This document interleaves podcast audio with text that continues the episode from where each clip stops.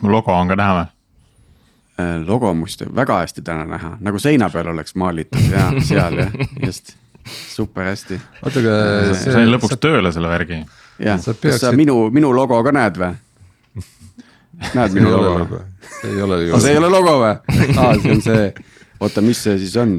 aa, see on see, mida poliitikud tänapäeval näitavad ja, ja, ja. oota, oota, ma pean ka mingi logole otsima ja, otsi jah mingi. me juba rääkisime, Sergei, sa, sa pakkusid, et sa paned endale selle sticky note'iga sinna kuskile. jah. jah, pane sinna blue kõrvale, selle, siia pane. siia pista vahele, sinna ei mahu vahele vist ja, ja, ja. oot, oot, oot, mul on niimoodi. kleebi, just. kleebi see sinna äh, või sa võid hoida terve saate aja, sa võid hoida seda seal ja. oled vähemalt keskendunud. No näed oh,, nüüd, toibu no,. nüüd sa ei tohi kõvasti aevastada ainult äh, saate ajal, et muidu lendab minema.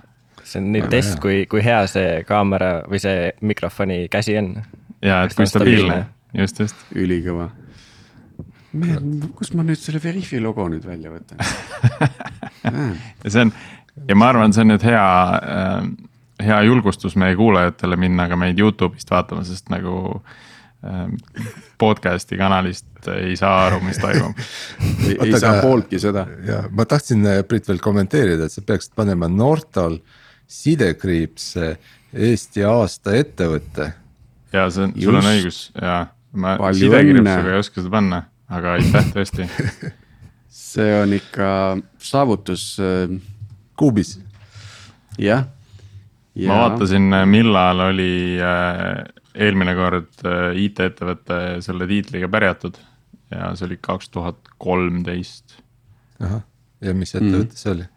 see oli Küünenagel, üllatavalt miks mm.? Nad ju minu meelest sel aastal nad vist või noh, vahetult enne seda nad on vist avanud kontori siin Eestis ja palkasid hästi palju inimesi, et.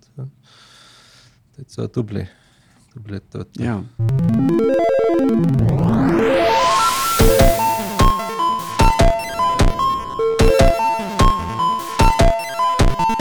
täna on viieteistkümnes oktoober ja oled taas Algorütmi lainel, mina olen Tiit Paananen Veriffist ja minuga koos on ikka meie virtuaalses stuudios Priit Liivak ja Sergei Anikin ehk siis Nortalist ja Pipedrive'ist vastavalt ja Priidule siis palju õnne.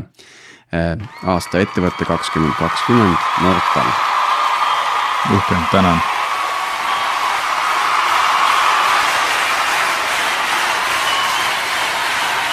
kas Priit, kas sa käisid laval ka või? ei, äh, mina ei käinud, meil käis äh, Ats, äh, hoopis ilusam poiss saadeti eetrisse. et täna hommikul oli ka Terevisioonis ja saab, saab järgi vaadata, et. super, sirged vennad olete seal kõik. aga täna räägime siis testimisest ja, ja me lähme natuke täpsemaks, räägime contract testing ust ja selleks me oleme palunud külla Indrek Otsa. kes lahkelt jagas eelmisel aastal DevClubis, DevClubis oma kogemusi contract testing'u osas ja, ja. oleme ka selle video läbi vaadanud ja, ja palume nüüd Indrekul teha sama meiega, et äh, rääkida mõne sõnaga äh, contract testing ust, et tere Indrek, et äh,. räägi natukene kõigepealt oma taustast ja, ja millega praegu tegeled, et see on alati huvitav kuulajatel teada. tervist ka minu poolt, hetkel töötan ettevõttes Concise, tegelen erinevate klientidega ja olen tarkvaraarendaja rollis. minu taustast pikemalt, äh, võib-olla alustame siis, kus, kus ma õppinud olen, sai kunagi käidud IT kolledžis, äh, see ära lõpetatud, olen ka Nortalis töötanud ja paar, paar, pärast seda oli ka paar või üks sihuke enda ettevõte ja pärast seda siis olen olnud enda praeguses kohas Concise'is. ja see on siis nii-öelda võib-olla hästi lühidalt minu, minu background. milline tarkvaraarendaja sa oled? mina ise oskaks arvata, et pigem sihuke praktiline, äh, tulemustele orienteeritud ja ka üritada äh, olla kaasaegne okei okay., kuule, aga see on väga hea setup, et nüüd hakata kohe contract testing ust rääkima, et. et sa oled praktiline, tulemustele orienteeritud ja kaasaegne, et, et contract testing ei ole midagi, mis nagu meiega väga kaua on olnud, eks ju, et ja, ja. ma noh, siin juba ennem väikse killu viskasin, et ma ei tea kedagi, kes teaks kedagi, kes oleks näinud seda töötamas, on ju. et võib-olla, võib-olla siis nüüd lähemegi sinna, et tundub, et sina oled näinud ja. ja võib-olla siis, et miks see teema on juba just selline, millest sa juba tegelikult poolteist aastat tagasi rääkisid? noh, minu taust võib-olla sellega, selle teemaga hakkas pihta juba veel varem, võib-olla kuskil aastal kaks tuhat kuusteist.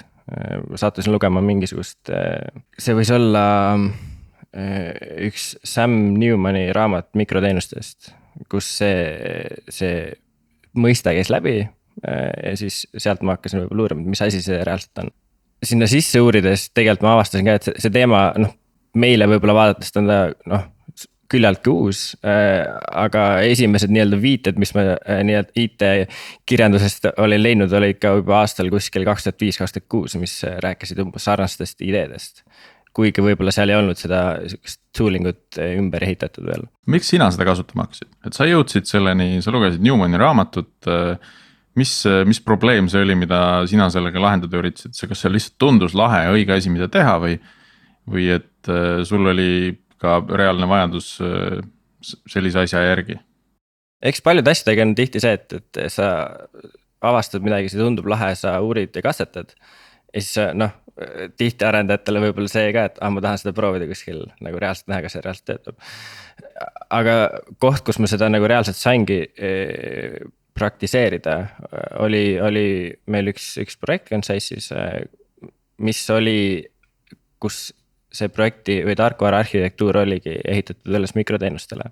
siis seal äh, käis selline mõte, et aga see on ju üks, äh, contract testing on üks sihuke koht, mis suudab siis lahendada äh, mikroteenuste vahel olevaid neid sõltuvusi ja API-de, API-de testimist. kuidas hoida, et kõik API-d oleksid omavahel backwards compatible ja nii edasi. ja sealt sai see nii-öelda pall läks veerema ja nüüd tuligi ära tegelikult see, see põhiväärtuspakkumine nii-öelda contract testide pealt, aga enne kui sinna lähme, vaataks, paneks korra nagu asjad veidi perspektiivi, et kui meil on siin. igat sorti testimist, et, et ütleme, kui me vaatame seda, seda ähm, hind ja impact skaalat, eks ju, et need all on unit testid ja üleval on end-to-end testid, seal vahepeal on mingisugused integratsioonitestid, regressioonisuudid, UI testid. et ühesõnaga ähm, mingid funktsionaalsed testid, testitakse headless asju UI testidega ja nii edasi, nii edasi, seal on nagu palju, palju maailma. et kas contract testid on integratsioonitestid? API-de keskkonna kontekstis? jah, see on nüüd it depends tihti inimestel või noh, vähemalt mina olen tunnetanud inimestele nagu erinev tähendus selle integratsiooni mõiste taga. aga ma, kui, kui nüüd panna contract test'i kuhugi sinna skaalale, siis võib-olla seda on nagu hea teha näidetega. kui me räägime, räägime nii-öelda nagu kahest, oletame, meil on mingisugune kaks süsteemi üks süsteem pakub siis teisele mingisugust API-t äh, kasutamiseks. üks viis, kuidas me saame nii-öelda testida, et äh, kas see süsteem, kes kasutab seda API-t. ja see, kes süsteem, kes pakub seda API-t, et nad suudavad omavahel rääkida. ongi see, et ma panen need mõlemad süsteemid korraga tööle ja siis kuidagi torkan seda API kasutajat, et tee nüüd mingisugune päring sinna ja vaata, kas sa saad selle päringu tagasi ja kas sa oskad sellega midagi ette võtta. ehk siis äh, mõnes kontekstis selle kohta öeldakse, et see on nagu sihuke end-to-end test. et ma panen kogu enda süsteemi tööle, aga kui me, kui me mõtleme jälle näiteks äh, sihukeses mikrotest-, mikroteenuste keskkonnas, et, et äh, meil on neid teenuseid hästi palju ja kui ma võtan sealt teenuste hulgast eh, nii-öelda nagu ühe selle API kasutaja ja ühe API pakkuja, siis võib-olla see on nagu ka integ-, integratsioonitest nii-öelda nagu suures, suure pildi vaates, et ma võtan kaks teenust ja testin nende integratsiooni. ja mulle tundubki, et integratsioonitest eh, on tihti defineeritud läbi selle testkeskkonna, et, et sa ei moki teenuste, üksteise suhtes teenused, vaid et sa äh, nii-öelda run'idki päriselt teenused omavahel nii-öelda, eks. ja sellega kaasneb just see, et, et ähm, selle keskkonna püstipanek võib-olla on kallis oleneb siis, kui, kui palju mul neid teenuseid on. et kui mul ongi sihuke võib-olla väike süsteem, kus on üks süsteem, mis kasutab API-t, teine pakub seda API-t. võib-olla see ei ole nii kallis ja ma saan seda teha aga kui mul on neid teenuseid rohkem ja kui mul on näiteks üks teenus, mis pakub API-t mitmele teisele teenusele, siis mul tekib sihukene nagu äh, integratsioonide kombinatsiooni plahvatus, et mul on äh, erinevad API-d API pakkujad, API kasutajad ja kas nemad kõik omavahel töötavad. siin on muidugi ka võimalus, et ma panengi siis, teengi endale sihukese suure integratsiooni keskkonna, kus ma panen nad kõik püsti ja siis kuidagi teen mingisuguseid teste läbi võib-olla mingisuguse välisapi ja vaatan, kas see tulemus on see, mida ma eeldan. sellised testid kindlasti on siis eh, tunduvalt aeglasemad, kallim on sihukest keskkonda püsti hoida ja. oletame, et kui seal juhtubki mingi viga, siis ma võib-olla see viga või testi viga ei ole sihuke fokusseeritud, et mul läheb võib-olla veel aega, et üles otsida koht, mis reaalselt katki on minule kui arendajale on oluline, ma saan, kui ma teen mingisuguse muudatuse, siis see, see feedback, mida ma saan, oleks võimalikult kiire. aga samas, kui ma pean võib-olla ootama, võib-olla mu sihuke deployment pipeline on selline, kus mul pannaksegi püsti sihuke suurem integratsiooni kes-, testkeskkond ja seal see testide jooksutamine võtab veel aega, siis see, see feedback on ka aeglane. ja siin on, siin on see koht võib-olla, kus me su-, selle contract testing uga me suudaksime seda võib-olla paremaks teha kas seal eesti keele nimetus ka on? Äh, mina ei ole kuulnud. Äh, me võime välja mõelda selle. nojah, et põhimõtteliselt nagu mingi lepingu vastavuse kontroll või lepingu vastavuse test, eks ju. ja need sõnad, mis on eesti keeles pikemad kui inglise keeles tavaliselt nagu väga hästi ei lenda. jah, okei okay,, niimoodi. no ütleme, et nii, et, et siis ähm, me oleme vist jõudnud sellesse kohta, et, et see. kuidas see käib? jah, et, et kuidas see leping siis äh, sinna tekib? võib, võib-olla enne, enne kui me räägime sellest, ma küsiks, äh, et mille, noh, oletame, et, et ma ehitasin komponendi ja komponendil on mingisugune API. ja nüüd ma tahaks testida seda API-t. Äh, ja ma kirjutan lihtsalt Pythoni või JavaScripti või mingisuguse muu skripti keeles või, või, või isegi mitte skripti keeles äh, äh, testid sellele API-le. on ju, et, äh, et mille poolest see contract testing erineb siis lihtsalt API testimisest? ma tooks sellise, sellise näite, et räägimegi siis sellest ähm, mingisugusest komponendist, mis pakub mingisugust API-t. ja ma saan sinna teha selliseid teste, et ma panen selle komponendi nii-öelda nagu isolatsioonis tööle ja kirjutangi sinna mingisuguse skriptiga mingeid teste, mis kasutavad seda API-t ja ma siis kontrollin seda API väljundit, et kas oli kõik õige. ja see on täiesti nagu okei okay lähenemine, ma saangi testida seda API funktsionaalsust ja vaatan, kas kõik töötab. nüüd teisel poolel eh, kuskil on mul mingisugune süsteem, mis kasutab seda API-t. Eh, kui ma tahaksin seda süsteemi nüüd isolatsioonis testida, siis ma peaksin kuidagi mock ima selle API. ehk siis ma võtan selle API consumer ehk siis see, kes, see, see süsteem, kes kasutab seda API-t ja ma teen mingisuguseid teste ja kuskil on mingisugune. mingisugune webmock või wiremock või mingisugune äh, asi, mis siis, kus ma ütlen, et kui ma äh,, kui tuleb selline päring, vasta selliselt. ja niimoodi ma saan äh, selle, seda API consumer'it äh, isolatsioonis testida kui ma nüüd testin neid asju isolatsioonis, mitte ei, äh, ei tee sihukest klassikalist integratsiooni teste, ma ta-, noh, saan endale selle võib-olla feedback'i kiiremini, testi kiirus on võib-olla parem aga siin tekib nüüd see probleem, et äh, mis juhtub, kui ma muudan seda äh, API-t. kui ma muudan selle API-t, siis äh, mul kindlasti need testid selle API poole peal hakkavad fail ima, ma võin testid ära fix ida, aga ma võin unustada. minna sinna consumer'i poole peale ja muuta seal ka testid ära, et mul siis tekib see äh, oht, et mul jäävad need äh, mul on testid kahe, kahe erineva komponendi juures ja nad lähevad kuidagi süngist välja hmm,. sest see wiremock jääb endiselt muutmata, eks, et see vastab nii-öelda vana API järgi aga yeah. kelle probleem see on? oleneb, kuidas mõelda, kuidas, kuidas näiteks organisatsioonis selle peale mõeldakse, et, et.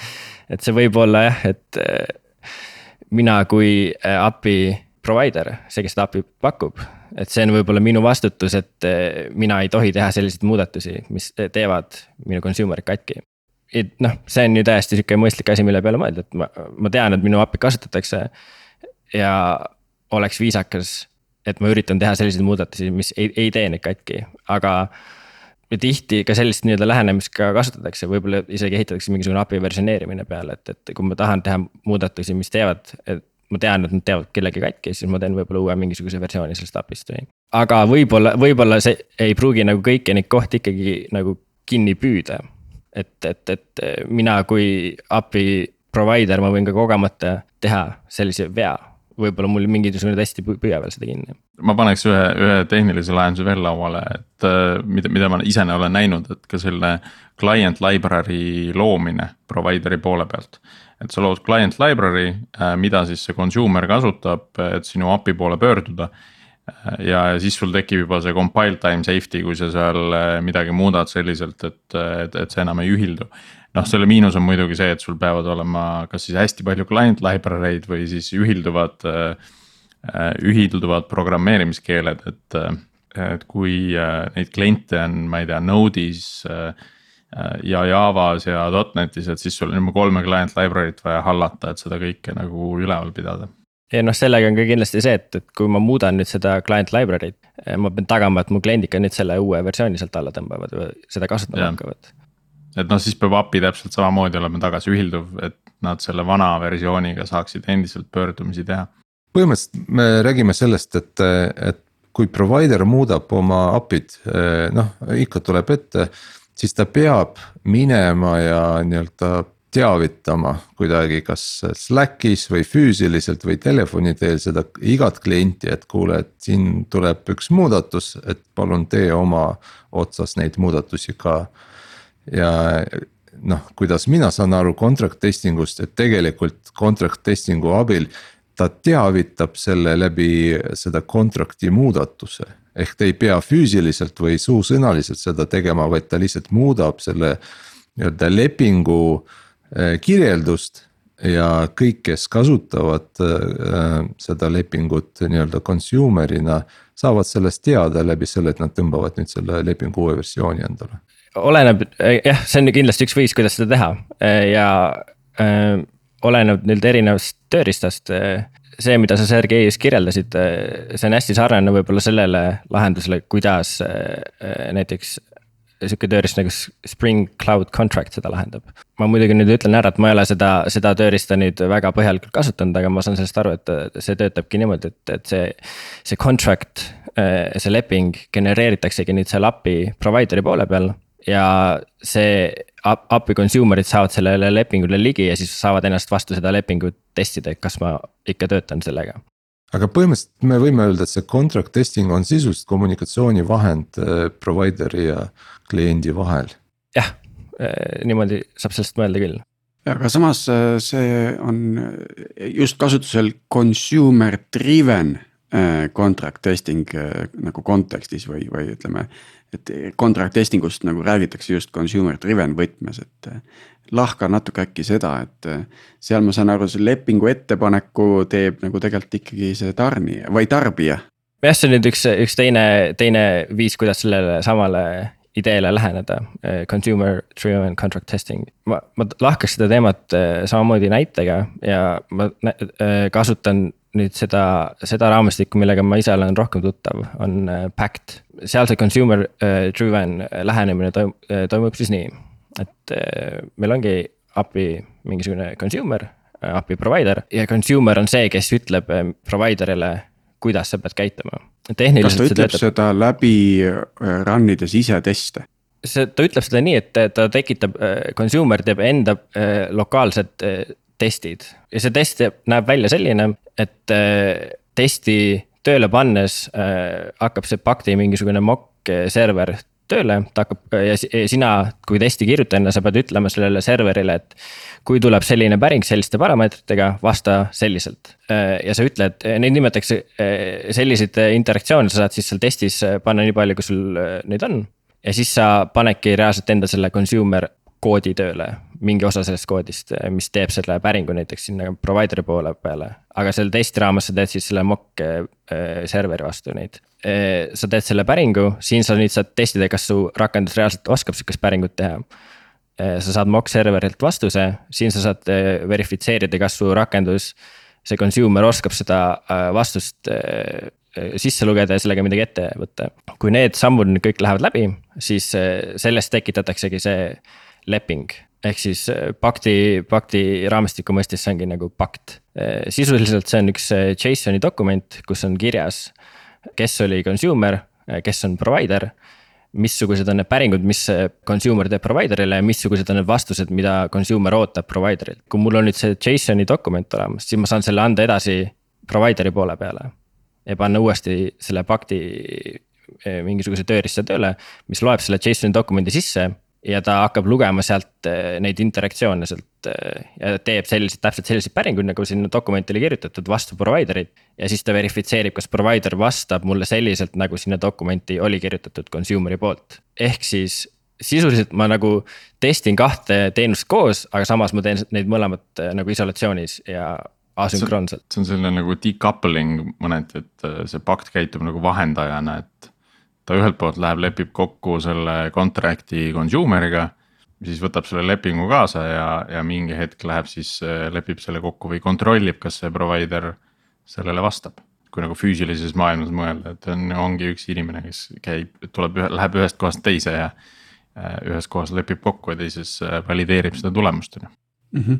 kui ma nüüd consumer'it consumer'ile teen lepingut kas seda on võimalik ka automaatselt teha?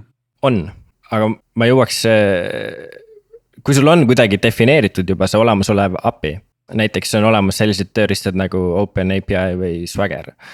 kus sa saad enda nagu API ära defineerida siis teoreetiliselt ja minu arust on ka olemas tööriistu, mis suudavad seda consumer'i poolt vastu seda API definitsiooni teha, selle consumer'i poole. siin on, ma lisaks juurde, et see võib-olla ei, ei anna seda pakti kogu võlu sest et äh, tihti, tihti on see, et, et äh, me teeme küll mingisugune, mingisuguse API, aga consumer ei pruugi kõike seda API funktsionaalsust kasutada. ta ei pruugi kõiki neid endpoint'e kasutada, ta ei pruugi kõike, oled noh, mis iganes payload'i see provider tagastab, ta ei pruugi sealt isegi kõiki neid väljasid välja lugeda. Äh, ehk siis, kui ma teen selle consumer'i selliselt, et ta ainult sinna JSON-i pakti faili kirjutab ainult need interaktsioonid, mida ta reaalselt kasutab need endpoint'id ja täpselt need väljad, mis ta sealt payload'ist ka välja loeb. siis see eh, tagab mulle provider'i poole peal selle, et ma saan juba siis aru, kui ma muudan eh, mingisugust eh, välja selliselt, et ta enam ei ole backwards compatible consumer'iga, siis ma saan kohe vea. aga samas, kui ma muudan nüüd välja, mida consumer ei kasuta, siis ma tean, et keegi seda API osa niikuinii ei kasuta ja ma saan seda vabalt muuta. et see genereerimine on natuke nagu äh kas seda saab kasutada siis näiteks mingisuguse põhja loomiseks, et, et sa saad need JSON failid ja siis kustutad pooled ära, mida sa tegelikult ei kasuta. et, et mitte kõiki contract'e päris nagu käsitsi kirjutada, vaid et oleks mingi, mingi baseline.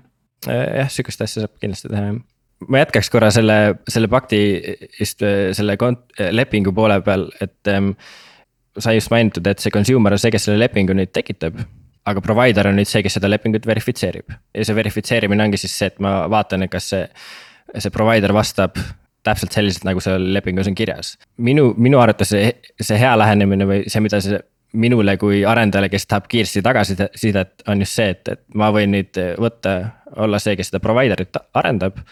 teen muudatuse ja panen lokaalselt enda testid tööle, ma saan aru kohe, kas ma tegin kelle, mõne provider või consumer'i endal katki. mõnes suuremas süsteemis võib ka just olla ka see, et eh, need consumer'id on mitu ja ma saan ikkagi lokaalselt selle testi ära teha isolatsioonis. Eh, teada, saan teada, kas ma tegin nüüd mingisuguse consumer'i katki, et ma ei pea panema püsti mingisugust integratsiooni keskkonda, et aru saada. Provider'il on siis mitu JSON faili eri consumer'ite põhised failid või? jah, eh, vastad nii palju, kui on consumer'id, nii palju on neid ka lepinguid kellega ta peab siis äh, nii-öelda nagu backwards compatible olema ma saan aru, et seal äh, consumer'i poole peal tegelikult saab ka sinna JSON-isse või sinna lepingusse tegelikult siis äh, täiendavaid kontrolle sisse kirjutada ka selle, selle formaadi või vastuse sisu kohta, eks. et see ei pea olema kõik noh, selline sisu, mida see consumer tarbib, aga see on midagi, mida consumer ootab, eks. et ma ei tea, telefoninumber on nii pikk, on ju, või et võib-olla see test läheks läbi ka lühema numbriga, aga, aga siis äh, konkreetselt fikseeritakse seal mingisuguse regexpi või muu lahendusega ära see, et milline see vastuse struktuur olema peab. See koht, kus ma ise võib-olla ka astusin nii-öelda nagu reha otsa alguses, kui ma selle teemaga pihta hakkasin, et, et ma hakkasin tegema teste, mis siis äh, üritasid verifitseerida täpselt seda payload'i vastust, et kas kõik väljad on täpselt samasugused või mitte. aga pakt, pakti mõte ei ole teha sellist äh, funktsionaalset testi, tema mõte on just verifitseerida, kas see skeema või see payload on selline, mida see consumer oskab lugeda. siia täpsustuseks võibki siis tuua, et, et kui seda consumer'i poole peal seda testi kirjutada, siis äh, on mõistlik test teha selliselt, et esiteks äh, ma panen sinna testi kirja need äh, endpoint'id ja need andmed, mida see consumer ainult reaalselt kasutab. kui see API vastab midagi muud lisaks sellele, mida see consumer kasutab, siis sinna testi see ei peaks jõudma. teiseks, mõistlik oleks teha see consumer'i poole hästi sihuke, ta olekski hästi loosely coupled, ehk siis see test peaks fail ima ainult sellistel juhtudel, kui nüüd provider seda API-t muudab ja rea-, ja reaalselt consumer ka katki läheb selle peale, siis, siis peaks see test fail ima. ma toon näite, et ei ole mõtet panna sinna consumer poole peale mingisugust äh, validatsiooniteste. näiteks kui mul on mingisugune API, kuhu ma saadan näiteks mingi kasutaja nime. Ma tean, et küll provider'i poole peal on kasutaja nime mingi pikkuse kontroll näiteks. ütleme kakskümmend tähemärki kui ma nüüd paneksin selle kakskümmend tähemärki kontrolli sinna API või consumer'i poole peal sinna contract'i sisse.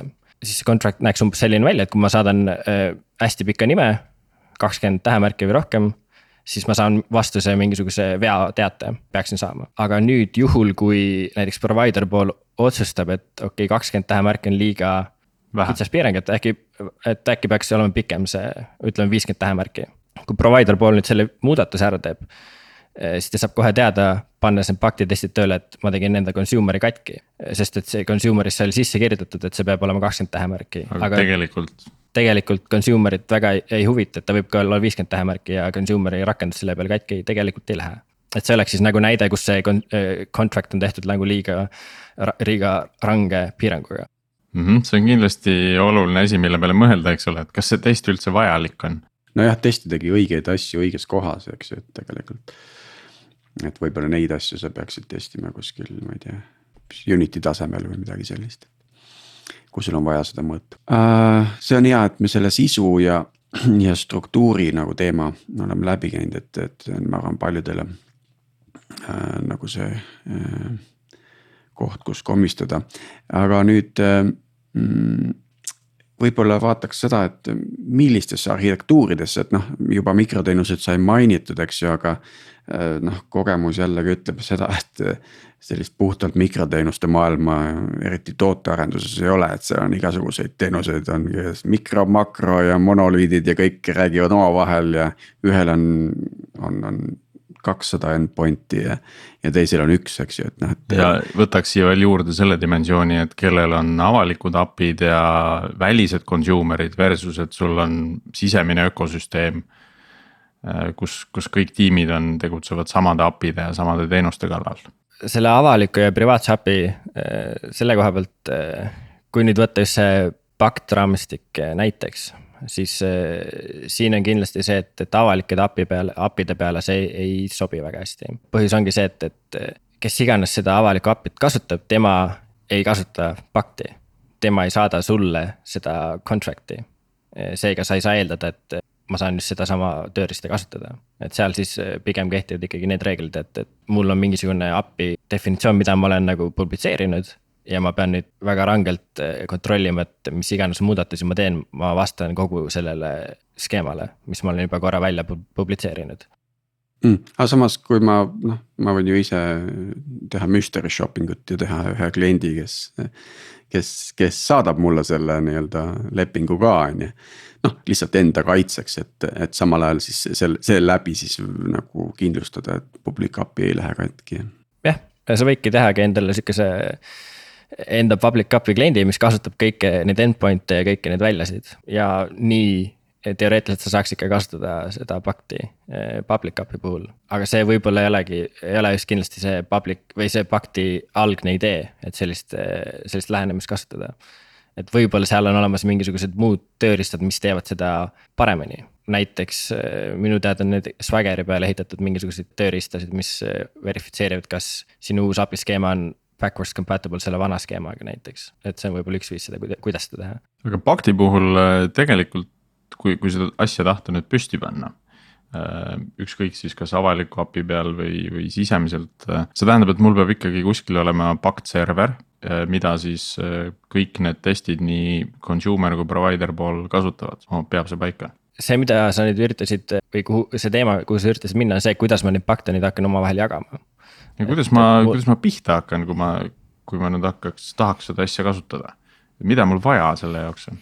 eelkõige läheb vaja siis äh, vastavalt seda pakti teeki, äh, mis iganes programmeerimiskeel on just kasutusele võetud, on olemas äh, peaaegu kõikidele populaarsetele platvormidele mingisugune lahendus, mingisugune teek on olemas, et pakt ise, see JSON-i pakti leping, see ise on, iseenesest on nagu spetsifikatsioon ja see, mis programmeerimiskeele peale see teek sinna ehitatud on, see nagu ei mängi väga vahet, ehk siis alustuseks täiesti kõlbabki, kui võtta näiteks consumer on mingisugune JavaScripti rakendus, provider näiteks mingisuguse, mingisugune Java rakendus, siis. ongi võimalik võtta see JavaScripti pakti teek, mingisugune Java pakti teek ja need omavahel kokku tööle panna ja seda JSON-i lepingu faili, seda kasvõi esialgu lihtsalt eh, käsitsi tõsta eh, ühelt consumer'ilt provider'ile. okei okay,, mul nüüd siis... tundub, et hakkab tekkima mingi selgus, et, et siis, kui, siis kui meie ähm, pakti kasutasime.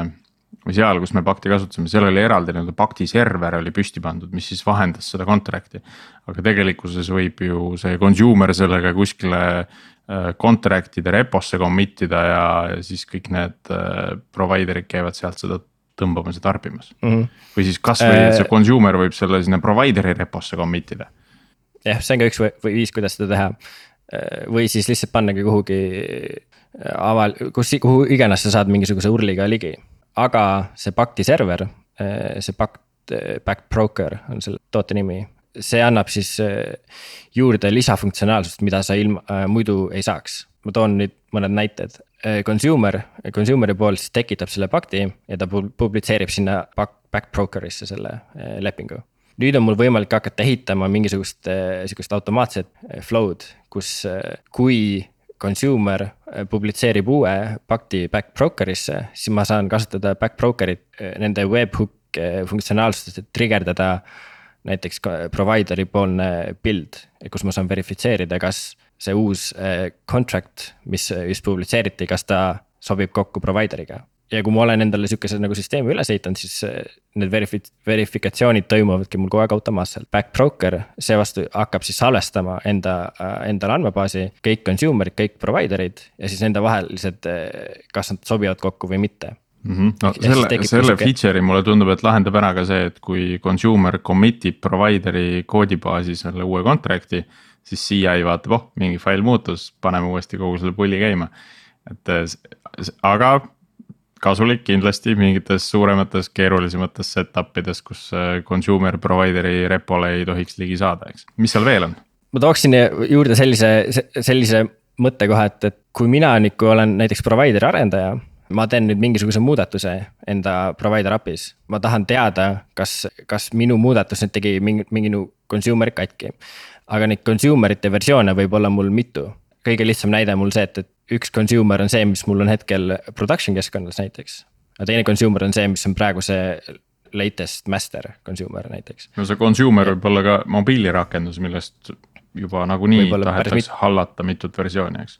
jah ja see võib, see võib olla consumer, et siis äh, mina kui provider'i, API provider, ma tahan nagu nüüd olla kindel, et ma olen kõikide nende versioonidega compatible ja siin back broker tulebki natuke appi. et sealt ma saan teada, kes on minu consumer'id, mis on nende erinevad versioonid ja nende erinevate versioonide poolt publitseeritud lepingud. ja ma saan siis ükshaaval nad endale alla tõmmata ja kõik need omavahel ükshaaval siis nagu läbi kontrollida, kas ma olen. See muudatus, mis ma tegin, kas ta nüüd sobib kõikide consumer itega kokku Backbroker äh, haldab nii-öelda seda, seda ajalugu ka nendest äh, lepingutest. et näiteks mul ongi, kui tuua nüüd see mobiilirakenduse näide. ma lepin, võib-olla mul ongi ettevõttes kokku lepitud, et viimased näiteks kolm versiooni peaksid olema nagu toetatud.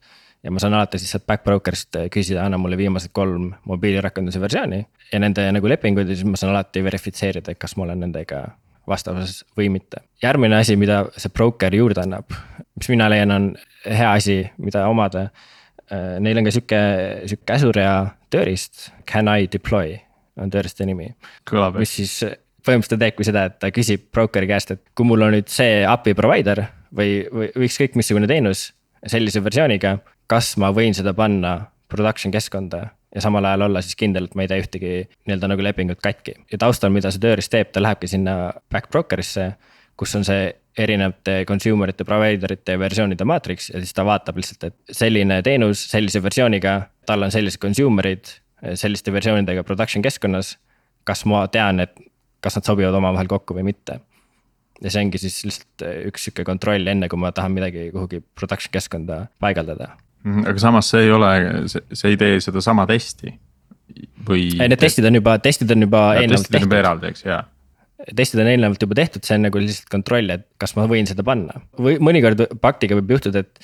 kas sul see setup oli valesti tehtud või mingisugune pipeline kuskil fail'is ja seda verifikatsiooni tulemust ei läinud broker'isse tagasi. mõnikord võib juhtuda, et mingisugune see verification result on sealt broker'ist puudu. ja siis sa saadki sellega võib-olla tagada seda lisakindlust, et jah, ma tean, et see versioon, mida ma just praegu tahan panna, paigaldada production keskkonda. ma tean, et ta sobib testiga kokku, sest ma tegin need testid kunagi ära. praegu tuli meelde omal ajal Pipedrive'is korraks ka vaatasime sinna pakti, see oli muidugi kaks tuhat äkki seitseteist algus, kuusteist lõpp. et siis ähm, see oli vist natukene vara Äh, aga ühesõnaga, me ei saanud seda nagu päriselt käima. Äh, aga, aga meil oli ka see probleem, et meil nagu hästi suured tükid olid, et nagu nagu suur API. Äh, mille otsas elas siis veepapp, eks ju, veepapil olid omad testid, API-l olid omad testid. Mm, ja siis lõpuks lõpuks oli, tundus mõistlik, et me lihtsalt käivitame mõlemad testid äh, mõlema komponendi deployment'i puhul äh, järjest või siis paralleelselt, ehk siis optimeerime seda execution'i kiirust ja. ja oleme siis veendunud, et asi jätkas tööd äh, ka pärast muudatuse tegemist, et lihtsalt testid oli mõlema komponendi puhul läbi. kusjuures need testid tegelikult testisid ka API kontekstis erinevaid endpoint'e meetodeid, et. Web-app ja API testid nagu olid justkui nagu testisid eri kohtadest nii-öelda seda API-t, eks ju. et, et tulles tagasi selle, selle suuruse juurde, et, et kui on noh, kui sul on mikroteenus teeb ühte asja, siis see on nagu suhteliselt hea kasutada ja lihtne kirjeldada, on ju. aga, aga kui sul on nüüd veepapp, kus on mingi, ma ei tea, kümneid vaateid mis, mis nagu sisuliselt igas endpoint'is loob, muudab, kustutab, nii edasi, et. et, et kuidas siis selle, selle või, või kui see läheb liiga suureks, siis see, see kirjeldamine läheb ka liiga raskeks ju. jah, see võib täitsa täitsa nii olla, et kui, kui see contract'i sisu on juba nagu metsikalt suur. et selle, isegi kui ma lähen vaatan, avan selle dokumendi ja vaatan, et okei okay,, ma ei saa sellest nagu midagi enam aru, sest see on nii palju asju nagu siin kindlasti tasub nagu mõelda, et, et äh, kas, kas see contract, mis on siis tehtud selliselt, kas, kas ta reaalselt testib seda äh, nii-öelda nagu lepingut või ta, ta juba hakkab testima seda kuidagi funktsionaalsust kõikide erinevate sisendite ja väljunditega. et, et tihti just pakt ei sobi selliseks, selliseks testimiseks, kus ma hakkangi testima neid erinevaid võimalikke sisendeid ja väljundeid, et pigem mind huvitab just see, see see payload'i skeema ja kas see consumer oskab seda lugeda? siin vist äh, selline äh, back-end for front-end äh, lähenemine või arhitektuurimudel natukene aitaks. kuna sa looks siis selle võimaluse, et seal selle back-end'i taga, mis siis on front-end'i jaoks loodud, mis võib-olla ise on hästi laia spektriga, ehk siis katab ära igasuguseid erinevaid äh, domeene ja teenuseid. selle taga saavad olla need äh, teenused ikkagi väiksemas äh, formaadis või väiksemas mõõtmes. lihtsalt see back-end for front-end agregeerib need mitmed teenused. ja, ja seal siis juba see contract lepitakse kokku nende, nende väiksemate teenuste tasemel ja kuna seesama back-end for front-end on siis juba selle front'i tiimi käes ja lähedal, et siis, siis seal juba see testimine käib teistmoodi, et need omavahel hästi ja õigesti läbi saaksid. aga no see on jälle lisa, lisaarenduskulu, eks ole, et üks selline kiht vahele teha, on ju. siin ma tooks sihukese võib-olla vahemärkuse ka, et, et kui, kui kasutada selliseid back-end for front-end või sihukeseid API gateway sid mis võib juhtuda, et ma või, võib-olla tekibki mul see tahtmine, et aga ma teen nüüd selle back contract'i enda veebi API ja siis selle API gateway või back-end for front-end'i vahele ka. Aga samas, kui see eh, back-end for front-end käitub mul enamjaolt kui ainult proxy siis eh, seal ma, seal ma ei saa seda võitu endale, mida back tegelikult annab. et tihti, kui, kui mul on mingisugune komponent vahel, mis käitub kui proxy, siis teoreetiliselt mul on ikkagi see leping, mida ma peaksin tegema selle Eh, see, kes seda API-t reaalselt provide ib ja kes seda reaalselt consume ib. ehk siis lepingu vaates seda proxy't seal vahel ei tohiks olla. muidu mul tekivad sellised testid, eh, kus ma teen küll lepingu selle proxy vahel. aga samas, kui ma lähen muudan enda provider'it, siis see leping seal proxy vahel seda viga või backwards compatibility mingisugust viga kinni ei püüa enam. natukene võib-olla puudutaks ka seda CI teemat, et kuidas ähm kuidas sinna CI maailma seda saaks nagu integreerida, võib-olla on ka mingisugune tooling, mis sobib Bactile paremini või. või on, ma ei tea, kuskil Circle CI-s mingisugune contract testing support eraldi äh, olemas või vaataks sinna sisse, et mis sinu kogemus on? ma ei tea, et oleks olemas täpselt sihukest äh, valmis tehtud support'i selle jaoks, aga need tööriistad on olemas, et, et kui kui ma saan enda CI serveris mingisuguseid command line skripte nagu tööle panna, siis ma saan selle integratsiooni endale valmis ehitada. Ja noh, kuidas seda täpselt teha, see võib-olla oleneb eh, tiimidest eh, ja organisatsioonist, aga noh, sihuke hästi lihtne flow võikski olla selline, et, et mina nüüd eh, API consumer'i arendajana teen mingisuguse muudatuse, muudatused lähevad versiooni haldusesse. selle peale trigerdab mingisugune build pipeline seal sees siis okei okay,, mul on kõik mu tavalised unit test'id ja sellised asjad. ja üks, üks samm seal oli lihtsalt see, et ma nüüd teen enda need backed consumer test'id ära. Kui need õnnestuvad, siis ma publitseerin selle backed faili, selle lepingu sinna broker'isse ja siis minu see pipeline lõpeb ära. nii et CI kui... ongi siis nii-öelda see lepingu nii-öelda. Äh, koostaja, tekitaja. et nüüd järgmine samm on see, et kus broker back broker nüüd. Äh, ta nägi, et okei okay,, mulle saadeti uus leping, broker nüüd võrdleb seda eelmise lepinguga, mida seesama consumer on saatnud. kui need on sisuliselt samad, siis ta ei tee mitte midagi. põhimõtteliselt tegemist on sama lepinguga, ehk siis tegelikult seda API consumer'i poolt vähemalt provider'i vaatest ei, ei muudetud mm. -hmm ehk siis, siis see leping jäi samaks. ja siis ei ole vaja provider'i pool teste ka käitada uuesti. jah, ehk siis back broker juba teab, et see uus API consumer'i versioon on juba olemasoleva API provider'iga äh, ühilduv, sest et leping ei muutunud. seevastu, kui nüüd see leping muutus, siis ma saan back broker'is äh, teha, tekitada mingisuguse webhook'i, mis siis trigerdab lepingu muutuse peale selle provider'i build'i. ja siis pro-, provider'i build'is üks samm ongi siis see, et võtta broker'ist see kõige viimane leping ja verifitseeri, kas sa oled sellega vastavuses.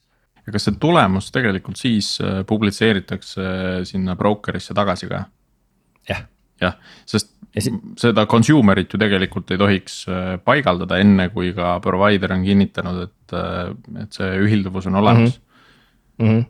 sest muidu ma võin consumer'is siis... mingeid lõhkuvaid muudatusi teha, eks et siin ongi siis üks, üks asi, kas, kas, kas sa kasutad seda can I deploy tool'i siis sa saad kohe teada, et okei okay,, mul on mingi verifikatsiooni tulemus puudu är,, ärme veel tee seda deploy'd. või siis sul teine, teine võimalus, sa saad ka ehitada selle CI integratsiooni selliselt, et eh, kui consumer publitseerib uue lepingu ja sa tahad seda põhimõtteliselt ka kohe deploy da. siis sa võidki jääda nii-öelda nagu seda broker'it pollima, et eh, ma ootan nüüd mingisuguse aja, vaatan, kas tulemus verific-, verification result on broker'is olemas. ja mõnda aega pollib ja kuni see tulemus on olemas, siis ma lähen deploy in ka kohe selle consumer'i, juhul kui see tule-, tulemus oli nii-öelda nagu successful. no Backtist on juba nagu ja, ja back broker'ist on, on mitmel korral juba ma-, räägitud, et et, et aga samas on selles tooling us on nagu muid tegijaid ka, et kiirelt siin guugeldades tundub, et viimasel ajal Source Labs on hakanud nagu Postmani samas kontekstis reklaamima, et ähm, on päris põhjalikud juhendid üleval, et kuidas seda kasutada. sa ise ei ole proovinud, Indrek? ma olen kursis, et Postman midagi teeb seal jah, ma ei ole täpselt väga kursis, kuidas nad seda teevad, et seega ma ei oska siin väga head nagu võrdlust tuua just paktiga. No Postman ise ka pakub sellist, äh, sellist nagu mokkimise võimekust vähemalt. et, et ma kõhutunde pealt pakun, et nad teevad seda mõnevõrra sarnaselt paktile et sest see mudel on ennast juba tõestanud, et ma ei ole kuulnud, et nad midagi radikaalselt teistmoodi teeksid. eks, eks neid tool'e on ka veel noh, teisigi, et, et korra sai vist juba mainitud, et see Spring Cloud Contract on üks, mis sarnast asja teeb. Swaggeri peal on ehitatud mingisugust sihukest tooling ut, millega sa saad seda skeemat valideerida ja, aga eks need iga, iga tool'il on oma sihukesed võlud ja võib-olla valud, et. Pakti lähenemine on just see consumer driven pool ja teistele võib-olla ongi see, see provider driven, et kas mu provider sobib äh, selle publitseeritud skeemaga kokku, mitte kõikide consumer itega ilmtingimata. ehk siis, ehk siis seda probleemi nagu mitmest nurgast võimalik nagu lahendada. Et seda peab äh, väga spetsiifilises kontekstis tegelikult kaaluma ja, ja analüüsima, et mis konkreetsele tiimile parem on. et, et mulle näib, kui noh, selline public API vaates on see teine lahendus nii-öelda natukene parem viis seda valideerida et kas äh, mu contract vast- või minu provider vastab sellele publitseeritud skeemile, et äh, sa, sa valideerid kogu aeg selle vastu, et ma publitseerisin mingisuguse API description'i, et kas ma päriselt ka vastan sellele. samas äh, sisemises kontekstis on selline consumer driven nagu efektiivsem kas on selles tooling us, mida sa täna, Indrek, oled kasutanud midagi, mida, mida sa nagu, millest sa tunned puudust?